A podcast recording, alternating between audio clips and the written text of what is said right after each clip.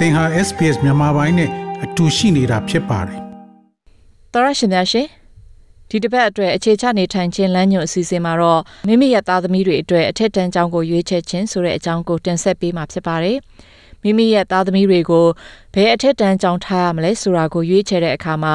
မိဘတွေအသက်သားမကကလေးတွေအတွက်ပါတခါတရံစိတ်ဖိစီးမှုများစရာဖြစ်နိုင်ပါတယ်။ဘယ်အကြောင်းကကလေးနဲ့ကိုက်ညီမလဲသူတို့ရဲ့အနေအထားကဘယ်လိုရှိသလဲဆိုတာတွေကိုသိရဖို့တခါတရံခက်ခဲနိုင်တယ်လို့ Raising Children Network အဖွဲ့ရဲ့ Director Derek McCormack ကပြောပါတယ်။ The reason it can be stressful is because there's a number of things that they might want to consider. For example, how schools match their practical needs, how schools match their personal values စိတ်ဖြစ်စီမှုများနိုင်တဲ့အကြောင်းအရာတွေကတော့ထက်တွက်စရာအချက်တွေရှိနေတဲ့အတွက်ဖြစ်ပါတယ်။ဥပမာလက်တွေ့ဘဝလိုအပ်ချက်တွေကိုစာသင်ကျောင်းကဘယ်လိုလှုပ်ဆောင်ပေးနေပါသလဲ။သူတို့အတွက်အရေးကြီးတဲ့လူတန်ဖိုးနဲ့ဦးစားပေးရမယ့်အရာတွေကိုစာသင်ကျောင်းကဘယ်လိုဖြစ်စီပေးသလဲ။ သူတို့ရဲ့မျှော်လင့်ချက်နဲ့ကျောင်းစာတက်မြောက်ရေးတွေမှာကျောင်းကဘယ်လိုလှုပ်ဆောင်ပေးသလဲစတာတွေကိုထက်တွက်ရတဲ့အတွက်ဖြစ်တယ်လို့ရှင်းပြပါရယ်။ စာသင်ကျောင်းတစ်ခုနဲ့တစ်ခုရဲ့ကွာခြားပုံကိုသိရဖို့စိန်ခေါ်ချက်တွေရှိနိုင်တယ်လို့လည်း Good Education အဖွဲ့ရဲ့ manager Rose White ကပြောပါတယ် There is a huge amount of information that mums and dads can potentially find themselves wading through in order to distinguish one school စာသင်ကျောင်းတစ်ခုနဲ့တစ်ခုရဲ့မတူညီတဲ့အချက်လက်တွေကိုရှာဖွေဖို့အတွက်မိဘတွေမှာအချက်လက်တွေအများကြီးလိုအပ်ပါတယ်။အဲ့ဒီလိုအချက်လက်တွေကများပြားထူထပ်ပြီးတော့ရှုပ်ထွေးနိုင်ပါတယ်။ ကျောင်းရဲ့ရလတ်ဒါမှမဟုတ် net plan data အချက်လက်တွေအကြောင်းကျောင်းအပ်ဖို့အကြောင်းစတဲ့အခြေခံကြတဲ့အချက်လက်တွေကိုပြောကြမယ်ဆိုရင်တော့စိန်ခေါ်မှုတွေကများနိုင်ပါတယ်။အဲ့ဒီလိုအချက်လက်တွေကိုဖော်ပြရမှာလဲကျောင်းတစ်ခုနဲ့တစ်ခုကပုံစံမတူကြတဲ့အတွက်နောက်ထပ်စိန်ခေါ်မှုတွေလည်းဖြစ်စေနိုင်တယ်လို့ရှင်းပြခဲ့ပါတယ်။ Good Education Group အဖွဲ့ကနေ Good Schools Guide ဆိုတာကို ထုတ်ဝေခဲ့ပြီး Australia မှာရှိတဲ့ကျောင်းတွေကိုမိဘတွေရှင်ကြည့်နိုင်ဖို့လှုံ့ဆော်ပေးထားတာဖြစ်ပါတယ်။သူတို့ရဲ့ guide အရမိဘတွေအနေနဲ့အချက်လေးချက်ကိုကြည့်ပြီးတော့ကျောင်းကိုရွေးချယ်နိုင်တယ်လို့ Mr. White ကပြောပါတယ်။ Its cost, its location, its performance and its fit broadly ကျောင်းလာခကိုကြည်ရမှာဖြစ်တယ်လို့ကျောင်းရဲ့ဒီနေရာကျောင်းရဲ့စွမ်းဆောင်မှုအနေအထားနဲ့အဲ့ဒီကျောင်းကမိမိသားသမီးနဲ့လိုက်ဖက်ကိုက်ညီမှုရှိမရှိတို့ဖြစ်ပါတယ်အထွေထွေအားဖြင့်လူတွေကကျောင်းကိုရွေးချယ်တဲ့အခါမှာအဲ့ဒီအချက်လေးချက်ကိုအဓိကထားပြီးရွေးချယ်တတ်ကြပါတယ်အဲ့ဒီကျောင်းကိုသွားနိုင်မလားဒီနေရာကအနီးနားမှာရှိနေသလားအဲ့ဒီကျောင်းမှာထားဖို့ငွေကြေးတက်နိုင်မလားအဲ့ဒီကျောင်းမှာစွမ်းဆောင်နိုင်မှုအနေအထားကောင်းရဲ့လားဆိုတဲ့အချက်တွေဖြစ်ပါတယ် မိဘတွေအတွက်ကြောင်းစွမ်းဆောင်မှုလို့ဆိုရမှာတယောက်နဲ့တယောက်ကြားတူကြမှာမဟုတ်ပါဘူးပြီးရင်အဲ့ဒီကြောင်းကကိုယ့်ရဲ့မိသားစုနဲ့လိုက်ဖက်ကိုက်ညီမှုရှိရလားလို့လည်းပါဝင်ပါတယ်ရိုးရရင်ကျေးမှုအရာကိုက်ညီတာဖြစ်နိုင်တယ်လို့ကလေးရဲ့လိုအပ်ချက်အတွက်ကိုက်ညီမှုရှိမရှိဆိုတာမျိုးလည်းဖြစ်နိုင်ပါတယ်စာတင်ကြောင်းရွေးချယ်တဲ့အခါမှာ တင်နဲ့ကိုက်ညီမှုရှိခြင်းတင်ယုံကြည်ရာတင်ထန်ဖိုးထားရာနဲ့ကိုက်ညီတဲ့အကြောင်းဖြစ်ဖို့ကအရေးကြီးတယ်လို့လည်း Derek McCormack ကပြောဆိုခဲ့ပြီးအရေးကြီးတဲ့မေးခွန်းတချို့ကိုထက်တွဲစဉ်းစားကြဖို့လည်းသူကအကြံပြုထားပါတယ် Do we prefer public or private education? What does the culture of the school feel like? does it match our culture as a family for ကြည်သူပိုင်ကျောင်းဒါမှမဟုတ်ပုဂ္ဂလိကကျောင်းကိုပိုကြိုက်သလား အဲ့ဒီကျောင်းရဲ့ရိုးရာယဉ်ကျေးမှုကဘလို့ရှိသလဲတိမိသားစုရဲ့ရိုးရာယဉ်ကျေးမှုနဲ့ကိုက်ညီရဲ့လားဆိုတာမျိုးတွေဖြစ်ပါတယ်။ဥပမာစာတော်ဖို့ကပိုအရေးကြီးသလား။ uniform policy ကအရေးကြီးသလားအားကစားကိုမဖြစ်မနေလုပ်ရမယ်လို့သတ်မှတ်တဲ့ကျောင်းကိုကြိုက်သလားဒါမှမဟုတ်ကျောင်းပြင်ပမှာ activity တစ်ခုခုလုပ်ရမယ်လို့သတ်မှတ်ပေးတဲ့ကျောင်းကိုကြိုက်သလားစတဲ့အရာမျိုးတွေဖြစ်ပါတယ် ကျောင်းကနေတင် जा ပို့ချတဲ့အတွေးခေါ်တွေကိုမိဘကစိတ်ဝင်စားတာမျိုးဖြစ်နိုင်တယ်လို့ကလေးကလည်းကြိုက်တဲ့အရာမျိုးတွေလည်းထည့်တွက်နိုင်တယ်လို့ပြောပါတယ်ကလေးရဲ့ကြိုက်နှစ်မှုကလည်းတင့်ရဲ့ဆုံးဖြတ်ချက်အပေါ်သက်ရောက်မှုဖြစ်နိုင်ပါတယ်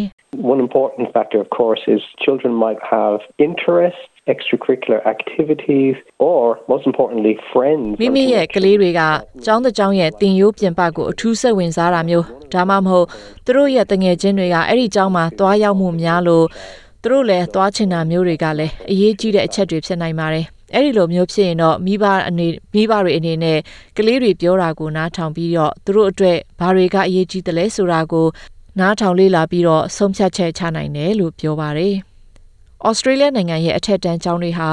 အစိုးရပိုင်ကျောင်းကက်သလစ်ကျောင်းနဲ့တခြားတတိပုဂ္ဂလကျောင်းဆိုပြီးတော့၃မျိုး၃စားရှိပါတယ်။မိသားစုဝင်အများအပြားကတော့သူတို့အနီးအနားမှာရှိတဲ့အစိုးရပိုင်ကျောင်းမှာပဲကလေးကိုပို့တက်ကြပါတယ်မိမိတို့နေထိုင်ရာဒေသရဲ့အစိုးရကျောင်းတွေကိုရှာကြည့်နိုင်တယ်လို့ကျောင်းဘေးပတ်ဝန်းကျင်အနေအထားကိုလည်းအွန်လိုင်းကနေတဆင့်ရှာကြည့်နိုင်တယ်လို့ Mr. McCormack ကပြောပါတယ် So, based on where you're living, your child might be eligible for a particular school in that zone. But if you're interested in a school outside that zone, တင်ပယ်မှာနေထိုင်တယ်လဲဆိုတဲ့အပေါ်မူတည်ပြီးတင့်ကလေးကစာတင်ကျောင်းတစ်ခုရဲ့ဇုံမှာတည်ရှိနိုင်ပါတယ်။ဒါပေမဲ့တင်ကအဲ့ဒီဇုံထဲမှာရှိတဲ့ကျောင်းကိုမကြိုက်ပဲဇုံပြင်ပကကျောင်းကိုပိုကြိုက်ရင်တော့အဲ့ဒီကျောင်းကိုဓာတ်ရိုက်ဆက်သွဲပြီးဘလို့ဝင်ခွင့်ရနိုင်မလဲဆိုတာမျိုးကိုမေးမြန်းနိုင်တယ်လို့ပြောပါတယ်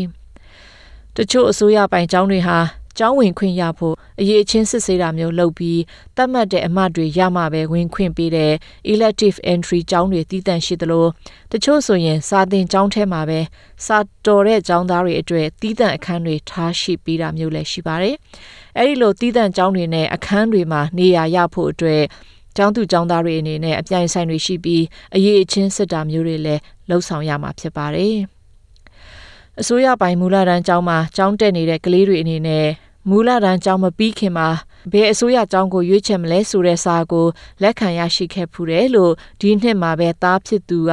မဲလ်ဘန်မြို့ကအထက်တန်းကျောင်းတစ်ခုမှာတင်ယူနေတဲ့ Erling ကပြောပြခဲ့ပါတယ်။ In about May the year prior, so in grade six, the school sends out some information which အရင်နှစ်မေလလောက်မှာ6တန်းကလေးတွေကသူတို့အတွက်ဘယ်ကျောင်းတွေရှိသလဲသူတို့အနေနဲ့ဘယ်ကျောင်းကိုရွေးချယ်ချင်တယ်လဲဆိုတာမျိုးမေးထားတဲ့အချက်လက်တွေကိုလက်ခံရရှိခဲ့တယ်လို့ပြောပြထားပါတယ်။တခါအထူးပြုဘာသာရပ်တွေကိုပဲသင်ကြားပေးတဲ့အထူးအထက်တန်းကျောင်းတွေလည်းရှိပါတယ်။ အထူးသဖြင့် creative and performance arts ဘာသာရပ်တွေအပြင်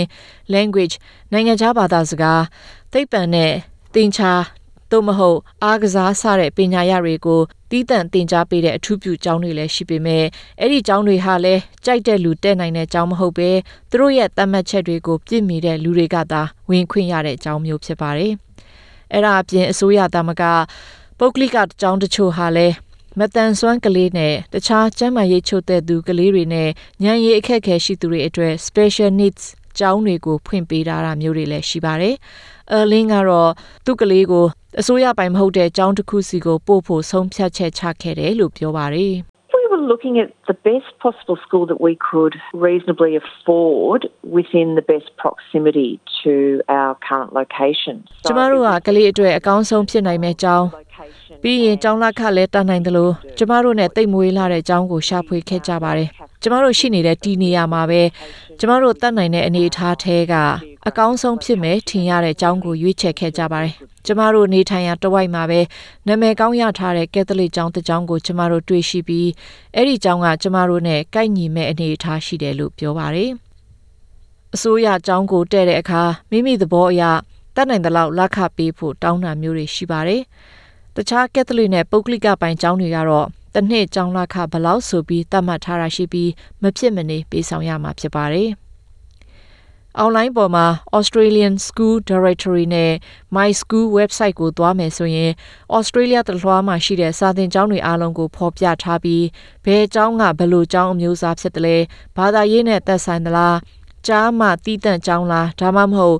ရောထားတဲ့ကျောင်းလားဆိုတာကအစဖော်ပြပေးထားပါတယ်။အဲ့ဒီမှာကျောင်းတွေရဲ့ပညာရေးအနေအထားကိုပါလေ့လာနိုင်တယ်လို့သိရပါတယ်။ Good Schools Guide က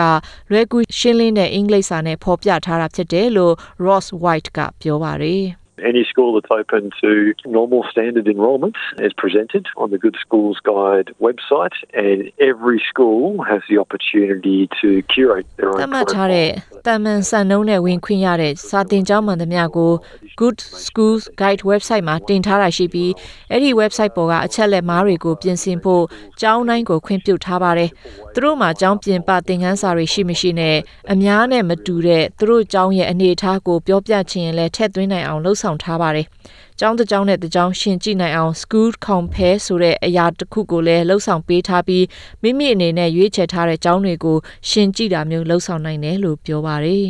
။တချို့မိသားစုတွေအတွက်ကျောင်းပညာရက်လအစားကျောင်းမှာတခြားအရာတွေကိုပါထည့်သွင်းထားတာမျိုးရှိမရှိဆိုတာကလည်းအရေးကြီးနေတတ်တယ်လို့ Mr. McCormack ကပြောပါတယ်။ For example, what kind of arts program it offers, what kind of focus there is on sport, what kind of extracurricular activities are offered by the school. And ဥပမာဘယ်လို art အနုပညာဘာသာရပ်ကိုထည့်သွင်းထားသလဲအားကစားနဲ့ပတ်သက်ရင်ဘယ်လိုအားစိုက်မှုလုပ်ပေးထားသလဲဘယ်လိုကျောင်းပြင်ပဘာသာရပ်တွေကိုထားရှိပေးသလဲစတာတွေကိုကြည့်ရှုတတ်ပါတယ်အဲ့ဒီနောက်သူတို့တန်ဖိုးထားတဲ့အရာသူတို့ရဲ့ရိုးရာနဲ့ကြိုက်မကြိုက်ဆိုတာတွေကိုလည်းကြည့်ပြီး ဒီစာသင်ကျောင်းကဖြစ်ကျောင်းသားတွေသူတို့ရဲ့စိတ်နေစိတ်ထားကိုဖော်ပြရမှာဘယ်လိုလှုပ်ဆောင်ပေးတယ်ကျောင်းသားတွေနဲ့ဘလို့ရင်းနှီးမှုရှိအောင်လုပ်ပေးတယ်ဆိုတာကိုလေ့လာပြီးဒီကျောင်းကသူတို့ရဲ့သားသမီးနဲ့ကိုက်ညီတယ်ဆိုပြီးရွေးချယ်တာမျိုးလည်းရှိပါတယ်။ကျောင်းစာရလာကတိတ်မကောင်းပေမဲ့လည်းမိဘတွေကဂရုမစိုက်ပဲမိဘတွေကကျောင်းစာရဲ့ရက်လအစားတခြားအချက်လက်တွေကိုကြည့်ပြီးရွေးချယ်မှုတွေလုပ်နိုင်တယ်လို့ပြောသွားခဲ့တာဖြစ်ပါတယ်။ ဘယ်အချိန်မှကျောင်းအားရမလဲဆိုတာကိုသိအောင်လုပ်ထားပြီးမိမိဆုံးဖြတ်တဲ့ကျောင်းအတွေ့အချိန်မီရှောက်ထားဖို့ကလည်းအရေးကြီးတဲ့အကြောင်းအကြံပြုထားပါတယ်။အစိုးရပိုင်အထက်တန်းကျောင်းတက်ချင်ရင်မူလတန်းကျောင်းနောက်ဆုံးနှစ်တက်တဲ့ဧပြီလဒါမှမဟုတ်မေလမှာစတင်ပြီးတော့ကျောင်းအားရမှာဖြစ်ပါတယ်။အစိုးရပိုင်မဟုတ်တဲ့ကျောင်းတွေကတော့တစ်နှစ်ကြိုတင်ဒါမှမဟုတ်တစ်နှစ်ထက်မကကြိုတင်စည်ရင်းပေးသွင်းရမှာဖြစ်ပြီး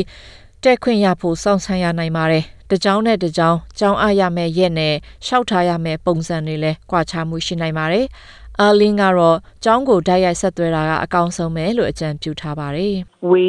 went to an open day for my son's high school, and that's where we made our decision and picked up the enrolment forms. That တားရဲ့အကြောင်းမှာပြုလုပ်တဲ့ Open Day ကိုကျမတို့တွားရောက်လေ့လာပြီးအဲ့ဒီမှာပဲကျမတို့ကဒီအကြောင်းကိုရွေးချယ်ဖို့ဆုံးဖြတ်ပြီးတော့အကြောင်းအပ်ဖို့ရှောက်လာကိုလည်းတခါတည်းတောင်းလာခဲ့တာဖြစ်ပါတယ်။ဒါမှမဟုတ်စာသင်ကျောင်းတစ်ခုစီရဲ့ website ကိုသွားပြီး online ပေါ်မှာဖောင်ဖြစ်ဆွဲတာမျိုးတွေလည်းလုပ်နိုင်တယ်လို့ပြောသွားတဲ့အကြောင်းရေးထားတဲ့ Melissa Campanoni ရဲ့ဆောင်းပါးကိုတင်ဆက်လိုက်ပါတယ်ရှင်။ SPS မြန်မာပိုင်းကို Facebook ပေါ်မှာ like ရှာပြီး like မျှဝေမှတ်ချက်ပေးပါ